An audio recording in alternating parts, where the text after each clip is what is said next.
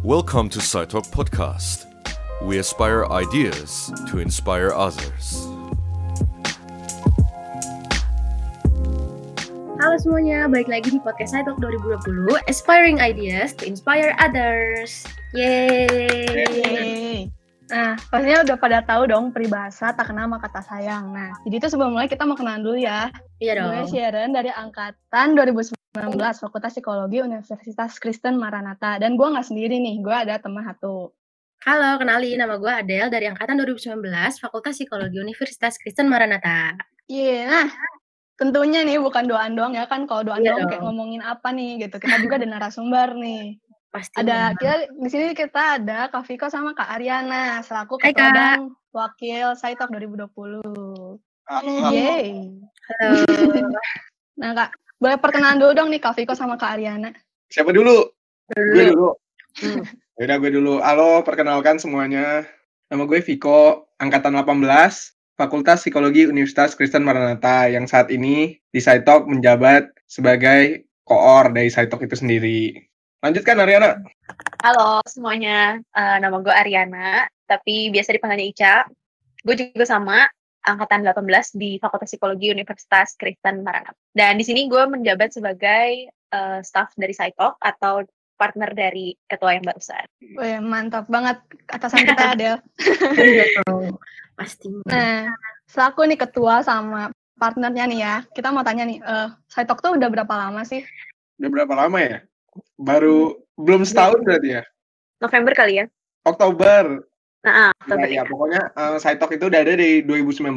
Kalau adanya pasti udah setahun lebih lah kalau misalnya dihitung sama persiapan sebelum acara ya. Tapi tahun lalu itu digelar pada tanggal 12 Oktober 2019 main eventnya. Mm-mm. Hmm, ini Tahun kedua masih kedua. masih baby. Oke. bener, bener, Ya, bener. iya. masih fresh ya. Oke. Nah, ada hal menarik nggak nih dalam pembuatan Saitok yang terutama yang 2020 ini ya? Soalnya denger kayak ada yang asik gitu ya pas bikin pas pendirian Saitok 2020 ini. Apa nih yang rame? Mungkin berbeda sama kegiatan-kegiatan yang lain bisa dibilang sebagai kegiatan yang baru yang baru ada tahun lalu itu diajuin kegiatannya sama foundernya sendiri ketua sama wakilnya itu ada eh, Kak Jordan sama Kak Jonggi angkatan 2016 Ini podcast Yang episode pertama. Iya iya yang di mana Buat yang belum teman-teman denger, bisa denger sekarang. benar jadi eh, mereka memproposalkan itu kepada periode senat yang tahun lalu yang diketuai Hmm. oleh Kak Marlin. Lalu diterimakan proposalnya lalu dibuatlah acara ini dan kita eh, gue Ariana memiliki Mm-mm. tanggung jawab lah diberikan kepercayaan juga untuk melanjutkan acara ini gitu sih. Oke deh, jadi beneran baru banget ya, kayak fresh dari Hmm. pemikiran founder kita yang tahun lalu itu ya. Betul, Sharon.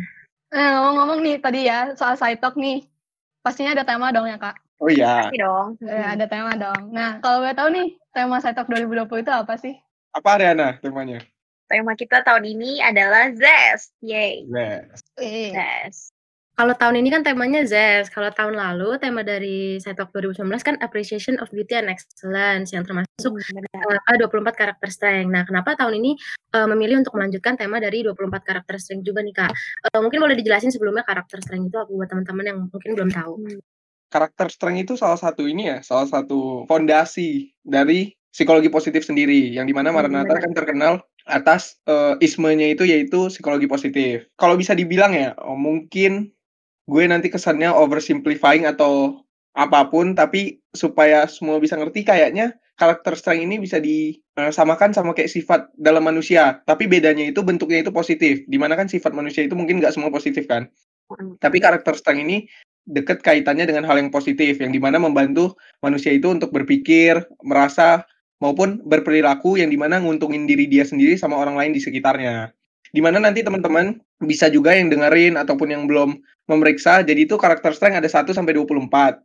Nah, kalian itu bisa cek nanti di via karakter via karakterstrength.com atau apa gitu, nanti tinggal di Google aja nanti pasti akan keluar. Jadi teman-teman bisa tahu kira-kira karakter strength kalian, sifat positif kalian yang nomor satu dari eh, sampai 24 itu eh, gimana urutannya? Dima- Di mana kan pasti beda-beda kan cara orang untuk Mm. berperilaku ataupun merasakan itu sendiri sih. Kalau dari Ariana sendiri mau menambahkan? Eh, kurang lebih sama sih. BTW kalau aku nggak salah ingat itu via karakter.org kali ya kalau nggak salah. Nah, Hmm. kayak yang udah dijelasin Piko juga tadi soal karakter strength, itu tuh sebenarnya kita semua tuh punya ke-24 ke-24-nya, cuma dalam derajat yang berbeda gitu.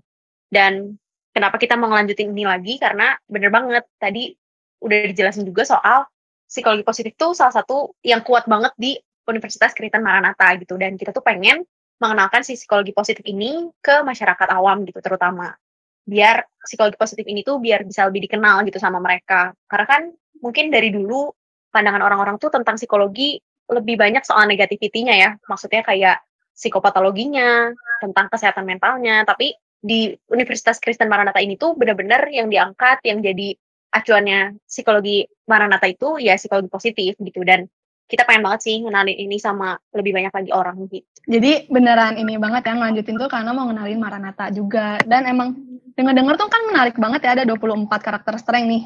Ya Hmm. denger-denger ada humor kan, ada humor, ada integrity, ada honesty, itu banyak banget ya. Nah, dari 24 itu kenapa sih milihnya cuma Zest gitu? Kenapa cuma milih menentukan masing oke kita Zest tahun ini gitu? Em, kalau ini gue dulu kali ya. Kalau kenapa kita pengen ngangkat Zest karena hmm, aku sama Viko itu sempat kayak berpikir kira-kira apa ya yang mau diangkat dari si karakter strength ini lagi gitu. Cuma kenapa kepikirannya akhirnya Zest? Zest ini tuh deket banget loh sama kehidupan kita sehari-hari. Karena kan Zest ini ngomongin soal kegembiraan, ngomongin soal energi, ngomongin soal antusiasme. Ini tuh hal-hal yang menurut kita penting banget sih buat semua orang punya dalam kehidupannya sehari-hari. Karena hidup kita tuh penuh dengan rutinitas, benar nggak sih? Hidup kita tuh kayak ada jadwalnya dari Senin sampai Minggu. Itu tuh kayaknya berulang gitu. Nah, Iya benar. penting banget sih buat setiap kita tuh punya yang namanya antusiasme gitu supaya setiap kita nggak benar-benar hidup tuh cuma ngejalanin hidup dengan rutinitas biasa tapi kita tuh excited gitu buat ngejalanin setiap hari. Nah, ini sih yang pengen kita kenalin sama orang-orang supaya orang-orang lebih aware lagi gitu sama hidupnya mereka biar mereka lebih semangat, biar mereka lebih antusias, biar mereka tuh bisa nemuin meaningnya dalam hidupnya mereka masing-masing gitu. Mungkin dari Piko mau nambahin?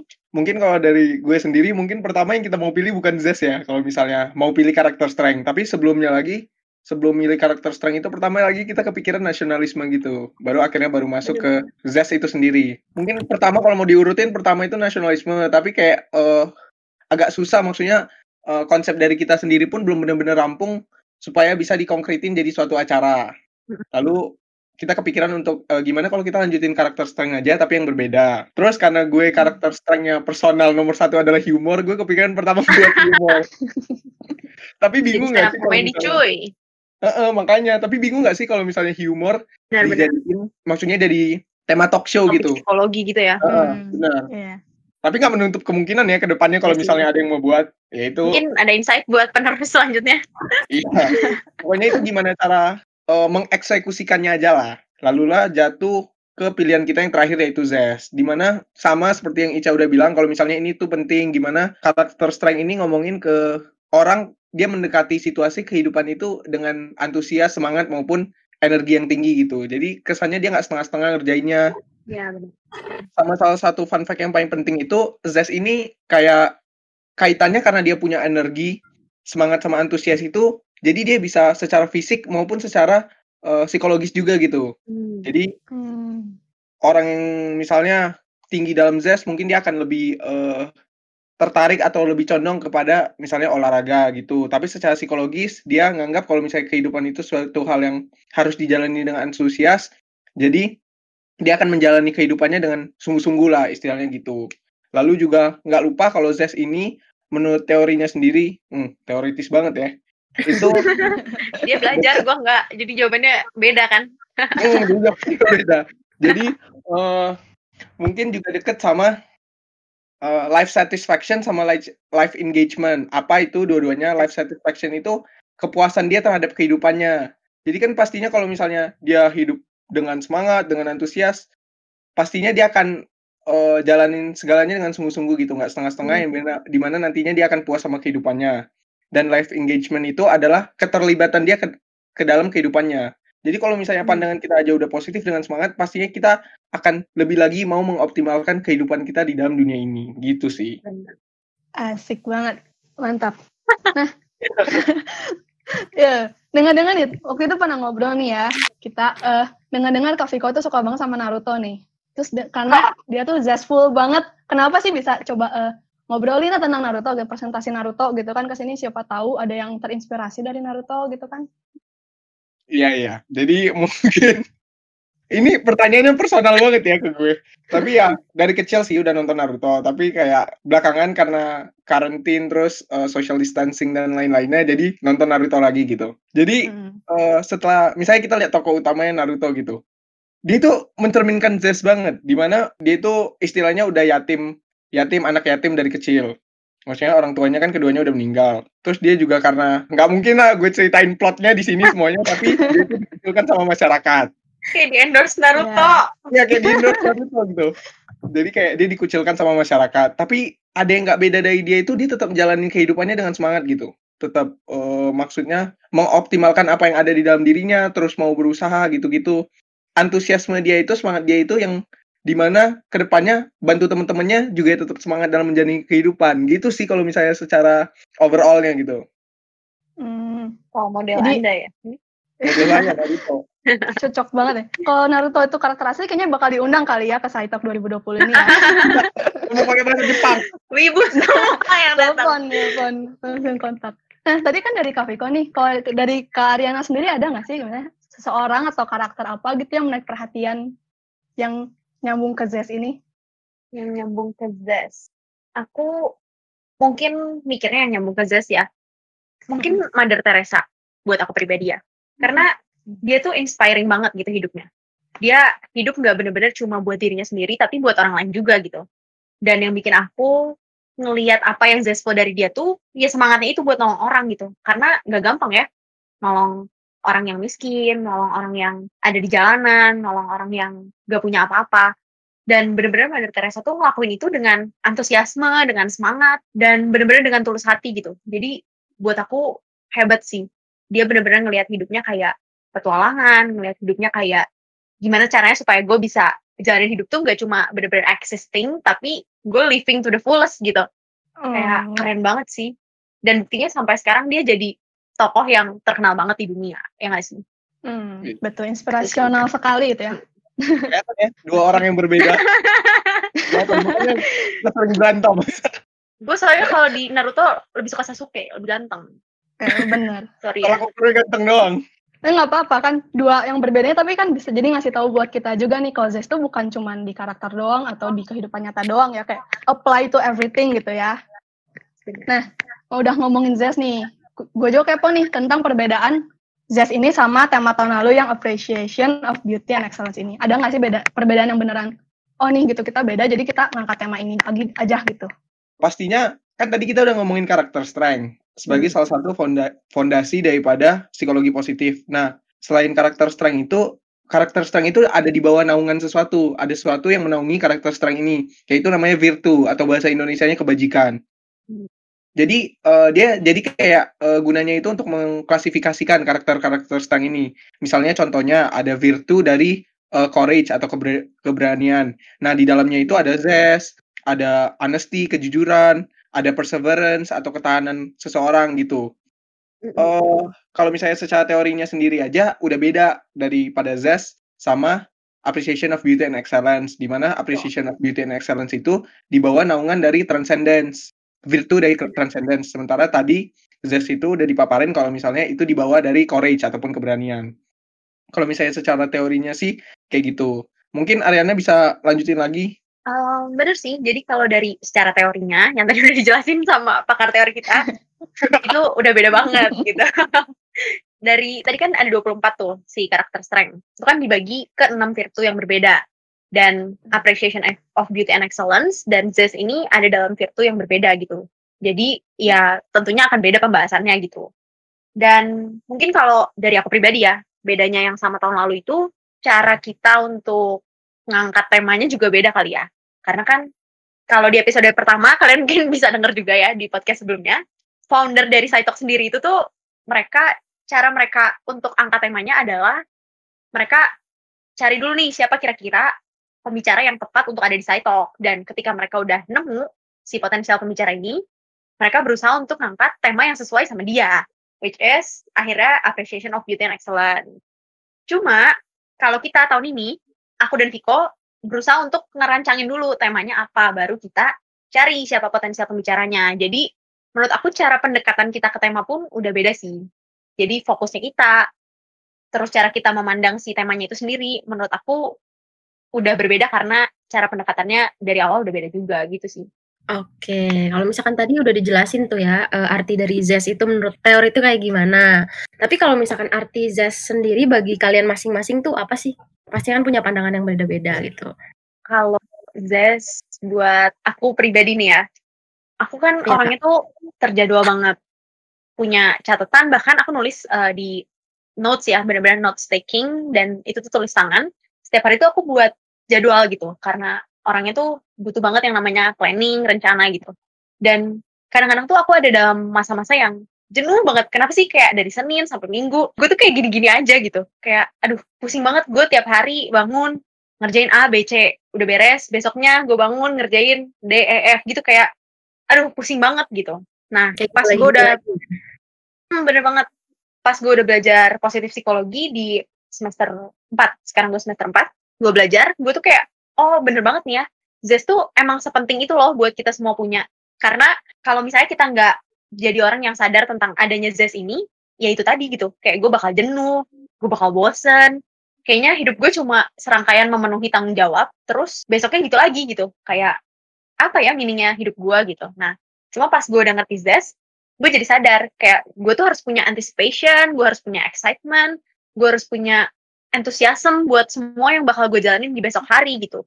Karena dengan gue punya semuanya itu di dalam diri, gue tuh bisa punya pandangan yang berbeda gitu terhadap semua yang jadi tanggung jawab gue itu gitu. Gue bakal ngelihat itu nggak cuma sebagai hal yang harus gue penuhi, tapi itu sebagai hal yang harus gue jalanin sebagai journey gue dalam kehidupan gitu. Karena percaya banget lah, usahakan gak pernah mengkhianati hasil, bener nggak? Jadi nah. apa pun yang gue lakuin sekarang, percaya banget lah, gue ada sesuatu yang mau gue achieve, ada sesuatu yang mau jadi goalnya gue dan itu tuh percaya banget bakal ngebangun diri gue juga gitu. Jadi pengen banget sih jadi orang yang lebih zestful. Karena truthfully, zest gue itu ada di urutan ke 17 kalau nggak salah. Which means masih rendah sih. Sama kak, aku juga aku juga rendah kok zest. Baru kemarin. Viko kali mau menambahkan. Iya, kalau ke Viko sendiri gimana pengertian zest? Salah seharusnya. Seharusnya waktu kemarin pemilihan ketua sama wakil seharusnya ada satu tinggi satu rendah. Kita berdua rendah. Benar benar benar banget. Gue juga personal rendah sih ada di uh, mungkin belasan juga ya belasan atau puluhan juga nggak ingat. Paling itu sih kelihatan gitu tercermin dari kayak misalnya kelas jam 8 bangun jam 7.45 terus lari ke kampus. Dia nggak pernah mandi guys ke kampus. Kelihatan kan aku suka lihat pagi-pagi aku suka lihat pagi-pagi.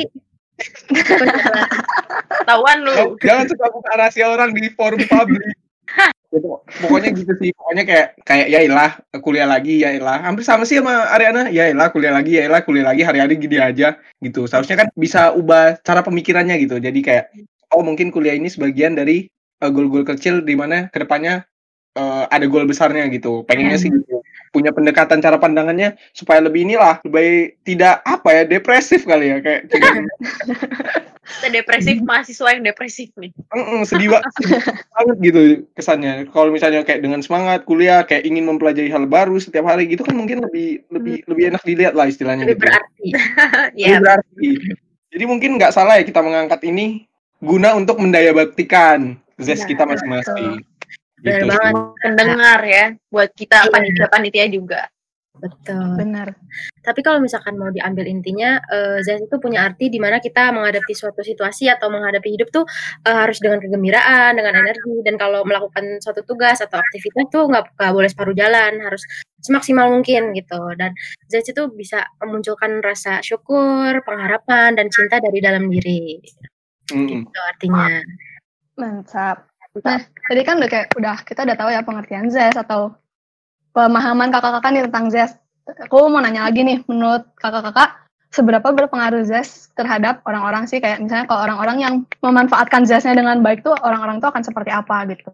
Uh, kalau orang memanfaatkan zestnya dengan baik, pastinya mungkin balik lagi yang tadi kayak udah disampaikan, dia punya ini sih, punya kepuasan terhadap kehidupannya tinggi, keterlibatan dia ke kehidupannya tinggi. Soalnya dia punya approach terhadap kehidupan atau pendekatan dia terhadap kehidupannya aja udah benar gitu, udah dengan antusias, udah dengan semangat, pastinya impactful. Di mana kan salah satu indikator dari orang yang zest kan juga dia kan nggak lakuin hal itu setengah-setengah kan, tapi karena dia nganggap kehidupan sebagai petualangan, memang naik akan ada, memang turun akan ada, tapi dia tetap ngejalanin itu dengan rasa semangat gitu kan. Pastinya kayak semakin banyak gak sih kesempatan atau opportunity yang dihadapan sama dia, terus dieksekusikan dengan baik karena mengerjakannya tidak dengan setengah-setengah tersebut. Gitu sih. Hmm. Kalau menurut Ariana gimana? Kurang lebih sama sih. Tapi mungkin kalau dari aku pribadi, apa yang aku lihat ya, kalau misalnya orang punya zest, kayak tadi udah dibilang juga sama MC kita yang luar biasa, itu kan bisa munculin rasa syukur, pengharapan, cinta. I think ini penting banget gitu buat kehidupan kita sehari-hari. Kalau misalnya kita jadi orang yang zestful, aku pikir kayak mungkin kita bener-bener jadi orang yang bisa take risk gitu dalam kehidupan karena kan dia virtue-nya juga di courage ya. Aku pikir mungkin dia bakal jadi orang yang lebih berani gitu. Tadi udah dibilang juga sama Viko, kalau misalnya orang yang zestful itu orang yang mandang hidup tuh sebagai petualangan kan. Nah, I think gak banyak gitu orang yang benar-benar mandang kehidupan dia tuh sebagai petualangan gitu. Jadi kalau misalnya kita bisa daya baktiin ini, kayaknya bakal seru banget gak sih hidup kita? Kayak kita bakal pengen banget bertualang, kita tuh pengen banget bisa punya pendekatan yang lebih seru lagi terhadap kehidupan kita gitu. Jadi hmm. menurut aku berpengaruh sih. Terus kalau misalnya kita jadi orang yang zest, kita mungkin jadi orang yang memanfaatkan hari kita tuh dengan maksimal ya. Kayak jadi produktif, jadi pengen banget ngakuin A, B, C. Mungkin juga mungkin-mungkin kayak senang banget buat belajar sesuatu gitu. Dan akan sangat baik banget gitu kalau misalnya kita semua punya keinginan kayak gitu. Jadi hidupnya nggak gitu-gitu aja, uh, berfaedah gitu hidupnya. Iya, berfaedah. Memiliki makna ya, nggak bangun tidur bangun tidur doang gitu ya. Hmm, bener-bener. Iya, berarti dia sangat berpengaruh bagi orang-orang ya, biar orang tuh juga hidupnya nggak lemah letih lesu 5L gitu ya, kayak. Ya. Tapi kan kita, tapi kan kita sedang dalam masa PSBB nih, yang di mana kegiatan kita tuh itu-itu aja dan banyaknya emosi negatif hmm. yang muncul gitu ya kak. Tapi menurut kalian peran Zes dalam pandemi seperti ini tuh apa? Zes dalam pandemi, hmm, kalau menurut aku berhubungan banget sama yang soal produktivitas tadi ya. Mm. Kita kan terbatas banget nih, lagi nggak boleh keluar rumah sama orang tua, lagi nggak bisa ngafe, nggak bisa nongkrong. Biasa kan gitu mm. ya hmm. mahasiswa ya, cuma belajar hmm. nongkrong, belajar nongkrong gitu kan. nah, tapi kan kita sekarang lagi terisolasi lah di rumah kasarnya gitu. Nah, kalau misalnya kita bisa daya baktiin ZES ini, mungkin-mungkin kita tuh bakal mandang si PSBB ini atau self quarantine ini juga dengan produktivitas gitu kita misalnya nggak bangun siang, nggak tidur subuh, kita tuh benar-benar manfaatin hari yang ada gitu. Misalnya kita bangun pagi, ikutan webinar, olahraga, belajar something, kayaknya seru banget sih pasti kalau misalnya kita bisa waktu Zes ini pas pandemi. Kalau menurut Kak Viko sendiri gimana tuh Kak peran Zes dalam masa pandemi seperti ini sekarang nih? Kalau tadi balik ke poin utamanya di mana orang yang zestful ini punya banyak energi, punya banyak semangat, punya banyak antusias, berhubungan langsung sama yang tadi udah disampaikan sama Ariana. Jadi dia mengoptimalkan lah istilahnya ya, mengoptimalkan dia punya energi itu kepada hal-hal yang sekiranya yang bisa dilakukan walaupun PSBB gitu. Banyak juga tuh uh, mungkin orang yang zestful ini akan bisa dilihat dia pasti kayak uh, home workout gitu, di mana yang Betul banget. Workout, olahraga di rumah, terus mempelajari hal baru. Karena dia punya energinya, dia punya semangatnya untuk hal itu. Paling kalau misalnya bisa dijelasin, uh, paling itu sih kayak gitu. Mumpung banyak waktu ya kak, bisa banyak lebih banyak belajar lagi, hmm, banyak benar. searching, masih banyak kegiatan positif yang bisa dilakuin ngomong-ngomong nih soal soal olahraga, soal produktif, kakak-kakak sendiri gimana nih di rumah? Apakah melakukan tuh yang olahraga? belajar ya dong, olahraga dong. Jangan aslinya cuma tidur makan tidur makan kayak aku. Disclaimer dulu Ariana pasti akan pencitraan. Ariana mulai. Enak aja gue olahraga beneran, guys. Jadi di episode pertama podcast kita itu ada salah satu MC yang nyaranin kita buat workout, ngikutin fluiting. Bener nggak ya dibacanya? Clothing gitu lah. Ya. Nah, terus gue hmm. pas dengerin itu kayak, hmm, boleh juga nih. Terus gue cari kan clothing. Gue beneran work out. Ini gak pencitraan guys. Ini beneran. Gak di endorse juga. tapi kalian harus coba sih. Karena efektif sih menurut gue. Aku jujur sempat coba kak. Tapi tapi baru dua hari tiga hari aku udah udah berhenti. Udah udah gak kuat. Ayo kita harus lebih zest. Piko tuh yang tidur makan tidur makan. Kelihatan kelihatan gak? Ya, gimana ya? Kalau bisa dibilang ya, PSBB ini maupun social distancing ini merupakan waktunya untuk tidur gitu. Betul banget. Ada bener sih. Tapi tetap harus seimbang ya. Iya. Kuncinya seimbang. gitu. Ya pokoknya eh, untuk menjawab pertanyaannya eh, tidak, saya tidak olahraga. itu jelas ya. Tapi main game olahraga nggak sih? Olahraga tahu E-sport, Olahraga jari e-sport. doang. Iya, ada sportnya nggak apa-apa. ada sportnya ada. Pokoknya itu olahraga. Pokoknya kalau misalnya sekarang sih main game eh, Valorant sama Naruto. Kalau misalnya lagi bosan main Mobile Legend juga. Yang main boleh ikutan nanti. Seruan PUBG. Iya udah. Realistis. Yuk. Oke. Terus ada ada yang belajar masak nggak sih? Soalnya banyak kayak banyak banget kalau lihat di story tuh kayak pada masak atau Banyak masak karena tanam gitu. share. Karena Iya. TikTok, karena TikTok. siap-siap story gitu kan? Check gitu. Ya gue belajar sih masak. Bohong. Sama Iya. apa? Masak apa, masak apa. Panasin, panasin air kan. Terus Biar matang. keluarin dari bumbunya. Tuh kan? Gak usah belajar.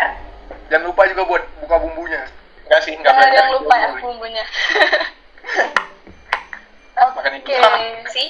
Cuma adik gua, adik gua tuh di rumah masak terus nih. Terus gua tanya kan, ini lu dapet resepnya dari mana sih? Dari TikTok. Kata dia gitu. Kan kayak, "Hmm, dari TikTok pun ada resep masakan ya. Wow. Iya emang. Adek lu yang cewek atau cowok? Yang cewek, yang cewek. Yang cowok main TikTok juga sih kayaknya. Kayaknya ya. Kayaknya. Gak bilang. Cowok kok. Kenapa emangnya?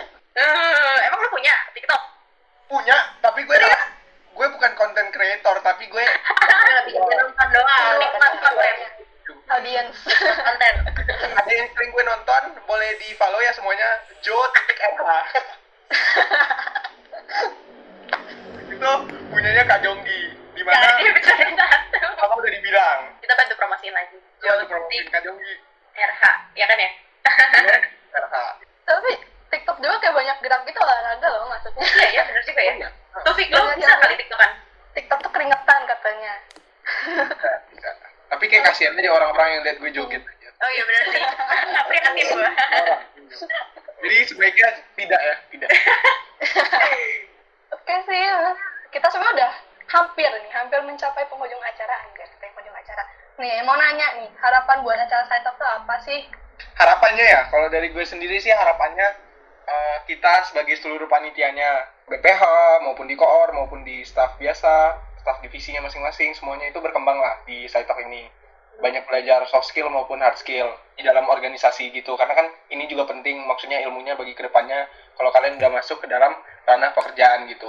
Harapannya sih semua berkembang semua bisa belajar satu sama lain. Amin. ngobrol bicara eh, komunikasi yang baik gimana lah pokoknya. Kalau misalnya untuk eh, acaranya sendiri. Di eksternalnya semoga semakin banyak dikenal sih sama orang. Semakin banyak juga orang yang sekiranya datang itu benar-benar untuk mendengarkan gitu konsep maupun tema yang udah kita upayakan untuk eh, paparkan ke mereka dengan seringan mungkin. Saitok ini sebenarnya beda daripada mungkin acara psikologi lainnya itu targetnya memang untuk masyarakat awam. Pembicaranya juga masyarakat awam bukan dari ranah psikologi gitu. Jadi istilahnya setiap maupun dari yang nonton maupun dari panitia semuanya berkembang sih. Tapi nggak juga cuman untuk Saitok tapi kegiatan senat fakultas psikologi yang lainnya.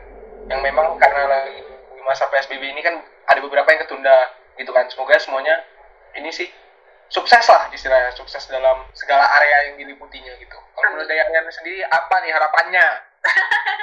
Nanya gitu ya? Em, kalau dari gue pribadi sih sama ya pastinya semoga acaranya bisa sukses baik panitia baik peserta benar-benar enjoy acaranya.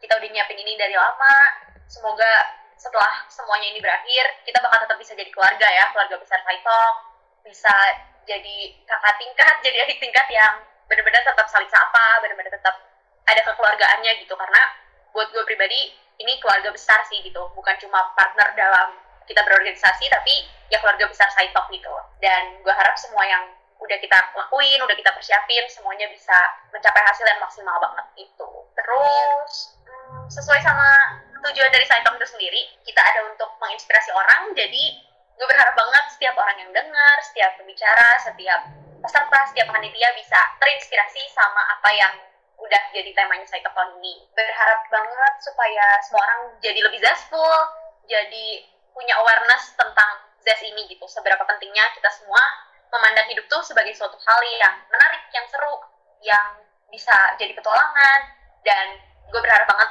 semua orang bisa ningkatin lagi semangatnya, ningkatin lagi antusiasnya, bahkan bisa menularkan si antusiasme ini sama orang-orang di sekitar mereka juga gitu. Tuh, jadi teman-teman harus datang ke Saitok 2020. Betul. Dan Jangan lupa beli tiketnya.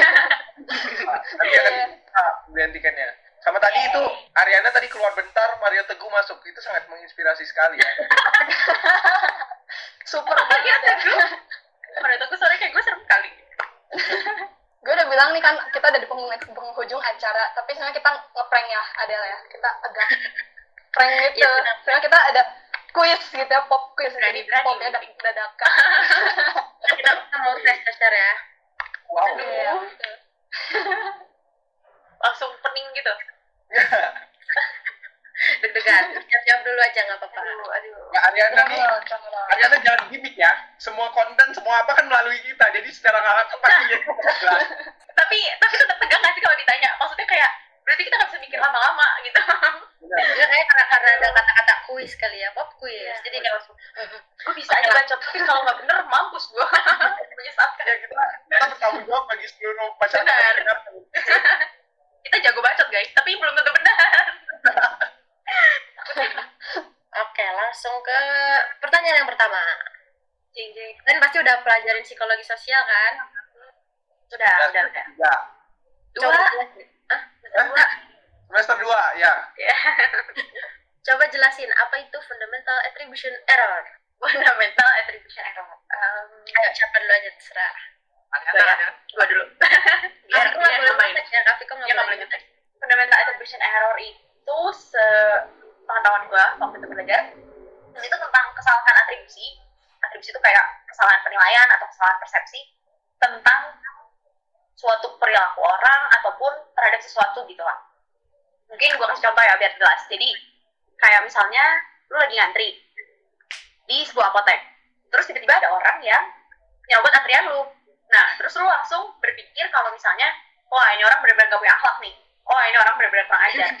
Nah padahal kan itu suatu hal yang lu persepsikan aja gitu. Suatu penilaian dari dalam diri lu terhadap orang itu padahal mungkin-mungkin orang itu tuh lagi buru-buru karena ada keadaan darurat gitu nah itu kan hal-hal yang kita benar-benar nggak tahu ya nah cuma rentan banget sih dalam kehidupan kita sehari-hari kita ngelakuin hal ini gitu kita mengatribusikan sesuatu mengatribusikan orang lain itu tuh dengan suatu perasaan internal suatu dari dalam diri kita yang membuat itu tuh menjadi penilaian yang sebenarnya salah. Nah, mungkin ahli teori kita bisa membantu saya. Sebelumnya disclaimer dulu ya, jangan sebut gue ahli maupun pakar teori. Kalau gue salah.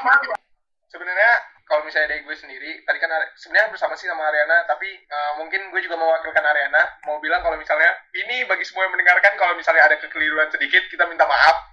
Kalau misalnya kita bukan benar-benar eh, ahli pada bidangnya, tapi sih saya ingat gue ya, sebenarnya gue juga suka sama eh, psikologi sosial. Kalau kalau dari katanya sendiri fundamental attribution error. Kalau misalnya diterjemahin, atribusi itu adalah proses kita menyimpulkan penyebab dari perilaku dari seseorang tersebut. Jadi kita mengira-ngira apa yang eh, apa penyebab terjadinya perilaku orang tersebut kan. Lalu kan berarti kalau misalnya bisa dibilang ada dua misalnya ada dari faktor disposisional internal dari orang itu sama situasional. Jadi kalau misalnya atribusi disposisional berarti kita ngelihat kalau misalnya penyebab dari perilakunya orang tersebut adalah dari diri dirinya tersebut. Misalnya yang termasuk di dalam dirinya ada eh, trait dia, motif dia, maupun kepercayaan dia atau beliefnya dia. Lalu kalau misalnya secara situasional sih kita lihat orang itu berperilaku karena ada tuntutan dari lingkungan gitu. Jadi ada pressure dari lingkungan yang membuat dia berperilaku seperti itu. Nah, fundamental attribution error itu berarti ada kesalahan atau ada error dari cara kita menyimpulkan penyebab dari orang itu berperilaku gitu. Jadi kalau misalnya fundamental attribution ini lebih dekat kepada kita lebih menekankan atau hanya melihat dari faktor internal orang. Jadi kayak misalnya kalau misalnya dia berbuat sesuatu, oh pasti kita mikirnya itu karena dia punya sifat, itu pasti karena dia punya kepercayaan ataupun motif dalam diri dia. Tadi kan udah dicontohin sama Ariana, itu udah bagus banget contohnya. Tapi kalau misalnya bisa dikasih contoh lain, mungkin yang lebih relate sama perkuliahan ini adalah mungkin kan kalau misalnya di kuliah kan kita kerja berkelompok nih. Misalnya ada satu tim kita, satu anggota kita yang eh, sering telat misalnya. Kalau misalnya ada rapat ataupun ada eh, kerja kelompok, terus dia sering kadang-kadang buat kesalahan. Nah, pasti kan kita otomatis kalau sebagai manusia sering buat error di mana kita langsung mengibaratkan dia sebagai orang yang kayak oh ini orang males nih ataupun ini orang mungkin keterampilannya kurang atau gimana gitu. Tapi kan kita di satu sisi kita nggak mikirin kalau misalnya ada faktor situasional atau ada faktor-faktor lain yang juga bisa menyebabkan dia seperti itu. Misalnya dia memang lagi ada masalah di dalam keluarganya, dia lagi capek, lagi burn out dengan segala pekerjaan yang ada gitu. Jadi ini penting gitu bagi orang-orang nanti yang juga dengerin ini kalau misalnya ada loh faktor lain yang bisa menyebabkan orang berperilaku. Nggak cuman secara internal ataupun sifat dia doang, tapi ada juga faktor situasional. Jadi ini ngebantu kita untuk tidak menjudge orang sedemikian rupa dia orangnya begini gini gini, tapi juga ada faktor lain. Gitu sih kalau menurut dari gue. Bener banget tuh kak jawabannya. Ini kuisnya pasti nilainya bagus-bagus banget nih. Semoga. Oke, kalau misalkan diambil intinya dari fundamental attribution error itu pengertiannya kecenderungan uh, dalam mengartikan atau menilai sesuatu kejadian itu cuma fokus di faktor internalnya aja ya dan mengabaikan uh, pengaruh situasionalnya. Dan kayaknya ini tuh sering ditemukan nggak sih di sehari-hari tuh? Benar, Mungkin kalau misalnya aku bisa kasih contoh lain, uh, lo lo suka party nggak sih, Sher? Aku aku aku aku balik aku semuanya di rumah. Kok orang kita party jadi kalau misalnya kayak kita lagi party nih terus kita lihat ada orang uh, di pojokan aja diem aja gitu ya. Ngapain ya dia ke party kalau misalkan dia diem aja? Mungkin kalau misalnya kita di situ kita mikirnya kayak oh ini orang mungkin pendiam atau pemalu gitu ya. Tapi kan yang kita nggak tahu mungkin orang itu kakinya keseleo kah atau sakit perut kah gitu itu Padahal pengen party ya, juga ya. pengalaman pribadi bukan Dal? Oh enggak, enggak, enggak. Jadi suka party Adel? Enggak, enggak. Oh. suka Viko. Nah, Masih ada seratus pertanyaan lainnya nih. Iya bener. Kita siap-siap ke sampai besok kita Q&A. Aduh, takut Gak ada yang canda. Ya, ini kita bukan kepo itu doang ya, bukan yang fundamental itu doang ya. Kita juga ada kepo nih, ada kita tuh sering banget dengar istilah-istilah stereotip, prejudice, sama diskriminasi gitu. Kalau menurut kakak nih, atau pengertian kakak sendiri lah itu artinya apa sih? Apa ya? Ini kayak uh, contohnya, contoh ini ya, contoh apa namanya? uh, sesuatu yang kayak misalnya kita tahu tapi susah untuk dijelasin gitu ya mungkin diskriminasi sama prejudis ini tapi kalau misalnya bisa diartiin mungkin nanti bisa di uh, benerin ya sama MC yang misalnya lebih tahu ataupun Ariana nanti bisa menambahkan. Gila kalau misalnya dari gue sendiri uh, prejudis ini kalau misalnya dulu itu lebih ke bias tapi secara emosional. Jadi prasangka kita terhadap sesuatu prasangka kita terhadap seseorang jadi misalnya misalnya nih contohnya orang yang pakai tato ataupun dia cara berpakaiannya mungkin berbeda daripada masyarakat pada umumnya. Pasti kan itu kita punya prasangka bahwa mungkin orang itu lebih bandel lah istilahnya lebih nakal ataupun apa pun itu yang mendekati hal itu yang itu membuat kita merasa bahwa kita kayak agak segan ataupun takut ataupun merasa terintimidasi ada di dekatnya jadi itu termasuk dalam faktor emosionalnya di situ lalu selanjutnya apa sih stereotip ya? Uh, ya. stereotip itu kayak generalisasi ya generalisasi kepada suatu kelompok mungkin ya, suatu kelompok tertentu, mau itu suku, ras, agama, maupun yang lainnya. Orientasi seksual juga mungkin.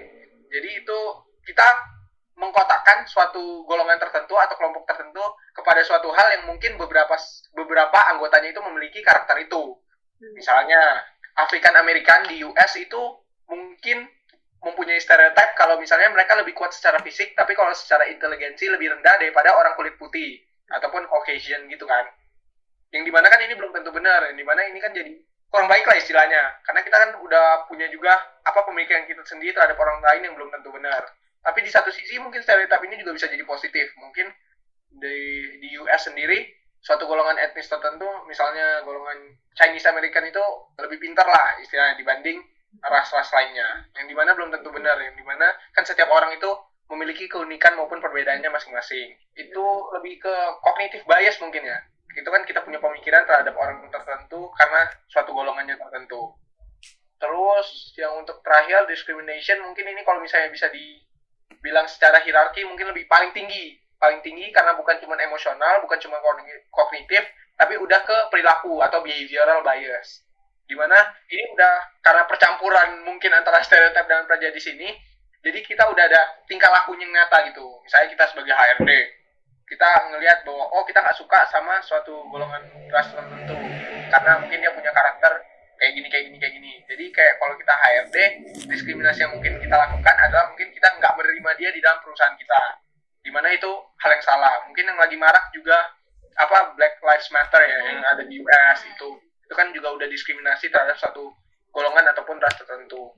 Jadi ini penting nih bagi semua yang dengar kalau misalnya ini bukan hal yang boleh gitu. Dan ini lebih ke ignorance ataupun ketidaktahuan maupun kurang pengetahuan pengalaman pendidikan dari seseorang jadi sama sekali nggak boleh ditoleransi. Kalau misalnya kita mau berkembang sebagai manusia kita harus lebih unity lah atau mengintegrasikan semua perbedaan kita demi yang lebih baik. Gitu sih. Kalau menurut Ariana gimana Ariana? Udah dia aja ngejelasin. Udah bagus banget. Gue sampai bingung mau ngomong apa. Mungkin gue kayak ningkatin terus kasih contoh lain kali ya.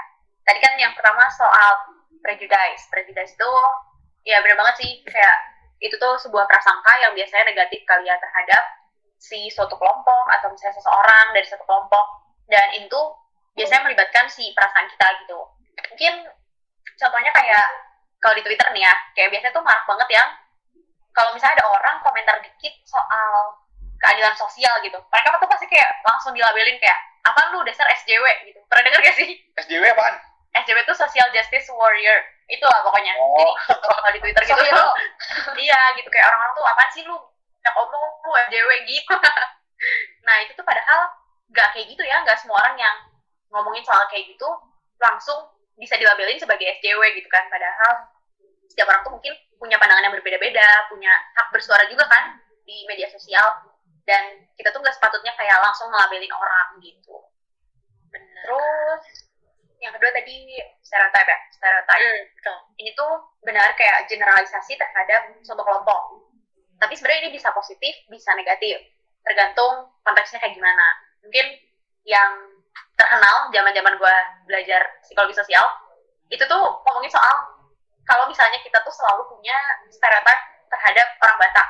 Katanya orang Batak tuh ngomongnya pasti teriak-teriak gitu. Padahal kan gak semua orang Batak kayak gitu ya. Mungkin itu kayak budaya mereka mungkin itu kebiasaan mereka yang buat mereka tuh ada ciri khasnya gitu. Tapi nggak berarti semua orang Batak tuh kayak gitu atau enggak mungkin kayak ah orang Sunda itu tuh semuanya ngomongnya lembut lemah lembut gemulai gitu gitu padahal kan enggak juga ya cowok-cowok cowok-cowok Sunda emang iya kayak gitu kalau cowok-cowok Sunda ngomongnya biasa gimana Pik? Gimana ya? Kayaknya kayak kalau buaya Lemah lembut, kalau kata. Piko kalau kata Piko orang-orang Sunda Nanti ada juga info ya. stereotype jadi nggak boleh guys nggak boleh. Nah terus yang terakhir eh, diskriminasi ya. Diskriminasi ya benar banget. Itu lagi marak banget soal like lives matter. Jadi gimana kita tuh punya perilaku yang berbeda terhadap orang yang berbeda gitu. Dari kelompok suku kelompok agama kelompok ras. Tadi juga warna kulit misalnya. Terus jenis kelamin agama dan lain-lain. Mungkin kayak contohnya gimana orang-orang tuh masih selalu berpikir soal patriarki kali ya. Jadi kayak dalam masyarakat tuh kental banget kan sama pemikiran kalau kalau misalnya cewek itu jauh lebih lemah daripada cowok. Jadi segala sesuatu yang berat dilimpahin sama cowok. Atau cewek itu cocoknya buat domestik pekerjaan rumah tangga lah gitu. Domestic work gitu. Jadi semua orang tuh melimpahkan si pekerjaan rumah tangga tuh sama cewek. Padahal kan sebenarnya itu bukan peran yang pasti ya. Kayak siapa juga sih yang bikin kalau misalnya cowok harus kerja, cari nafkah, terus cewek harus jadi Rumah ibu rumah tangga. Itu kan Mm. sebuah diskriminasi ya buat aku sendiri. Betul. Betul. Karena apalagi zaman sekarang udah makin modern, makin maju. Kayaknya gak banyak, gak dikit juga kita temuin gitu. Kalau misalnya ada juga sih cewek yang cari nafkah, terus cowok yang misalnya mereka yang ngerjain pekerjaan rumah tangga. Jadi I think kita juga punya pandangan kayak gitu sih. Karena pada dasarnya setiap orang ya balik lagi orang gitu. Gak bisa kita generalisasiin, gak bisa kita punya prasangka negatif, dan gak bisa kita perlakukan berbeda juga terhadap kelompoknya mereka gitu sih. Benar banget. Ini benar sih kita kakak-kakak kita ini eh, pasti nilainya bagus ini. Bisa lah dicap. Gimana? Terbukti, terbukti berilmu. udah, udah berasap belum Iya, Terbukti. langsung wow wow wow wow gitu dan tadi tuh selalu oh iya ternyata ya kayak insight banget ternyata kalau stereotype itu kayak gitu ya dan gue mau ngasih eh, singkatnya aja gini menyimpulkan lagi. Jadi kalau stereotype Boleh itu generalisasi sederhana tentang suatu kelompok gitu ya. Jadi bisa didasarkan pada ras etnis usia jenis kelamin atau orientasi seksual. Pokoknya hampir semua karakteristik itu bisa karena stereotype ini. Tapi yang tadi udah dibilangin juga bisa positif, ada bisa negatif juga gitu. Nah, hmm. sedangkan kalau prejudice itu adalah tadi prasangka yang mengacu pada keyakinan, pikiran, perasaan, dan sikap yang dimiliki seseorang tentang suatu kelompok. Nah, kalau ini biasanya negatif, contohnya seksis tadi yang uh, wanita sama pria gitu. Terakhir itu ada diskriminasi. Itu tuh fenomena yang beneran udah sampai dilakukan kan kalau yang tadi kayak cuma di emosi dan di pikiran ya. Kalau ini tuh dilakukan gitu. Kita si yang diskriminasi ini tuh udah melakukan hal yang berbeda ke orang-orang dengan karakteristik yang berbeda gitu. Ini tuh bisa dari usia yang berbeda atau kelas yang berbeda, jenis kelamin yang berbeda, ras, agama, dan seksualitas gitu ya. Jadi seperti hmm. itu guys, udah kekepoannya sampai di situ aja ya kita. Begitu kan terakhir. Akhirnya kuisnya. Kuisnya segitu Panas aja nggak apa-apa. informatif banget. Minta lagi kayaknya, minta lagi. Oh, mau lagi ditanya. Oh jangan jangan. ya, eh, informatif banget sih tadi dari awal tuh udah, uh banyak banyak banyak banget ilmu yang didapat gitu ya. Nah sebelumnya itu kita mau terima kasih juga nih buat kakak-kakak narasumber kita nih. Makasih Kak Viko, makasih Kak Riana. Terima kasih kakak-kakak. Terima kasih banyak. Terima kasih banyak banget ilmu yang tadi udah dibagiin ya. Makasih juga buat udah bagi-bagi banyak hal sama kita. Nah, Jangan lupa nih buat dengerin yang pertama dong pastinya episode pertama podcast kita. Jangan lupa. Yang belum nih dari udah dengerin langsung didengerin. Yang udah dengerin episode 1, episode 2 langsung share Boleh di-share ke teman-teman. Twitter, FB semuanya lah di share-nya. Bener. Soalnya informatif banget. Berguna nah, banget. Pastinya tunggu juga nih. Hmm, pasti apalagi nanti nih episode selanjutnya nih kan harus ditunggu ini episode selanjutnya pas soalnya nggak kalah informatif sama nggak kalah menarik juga nih sama yang episode 1 dan 2. Betul. Betul sekali. Oke, sebelumnya nih, sebelum benar-benar berakhir, biar semangat nih melanjutkan hari, kita mau jargon dulu ya, Del. Ya, nggak afdol nih kalau nggak jargon nih. Wadaw. Aku kasih aba-aba ya. Saya Talk 2020. So stay enthusiastic and stay studying. Yay! Yay!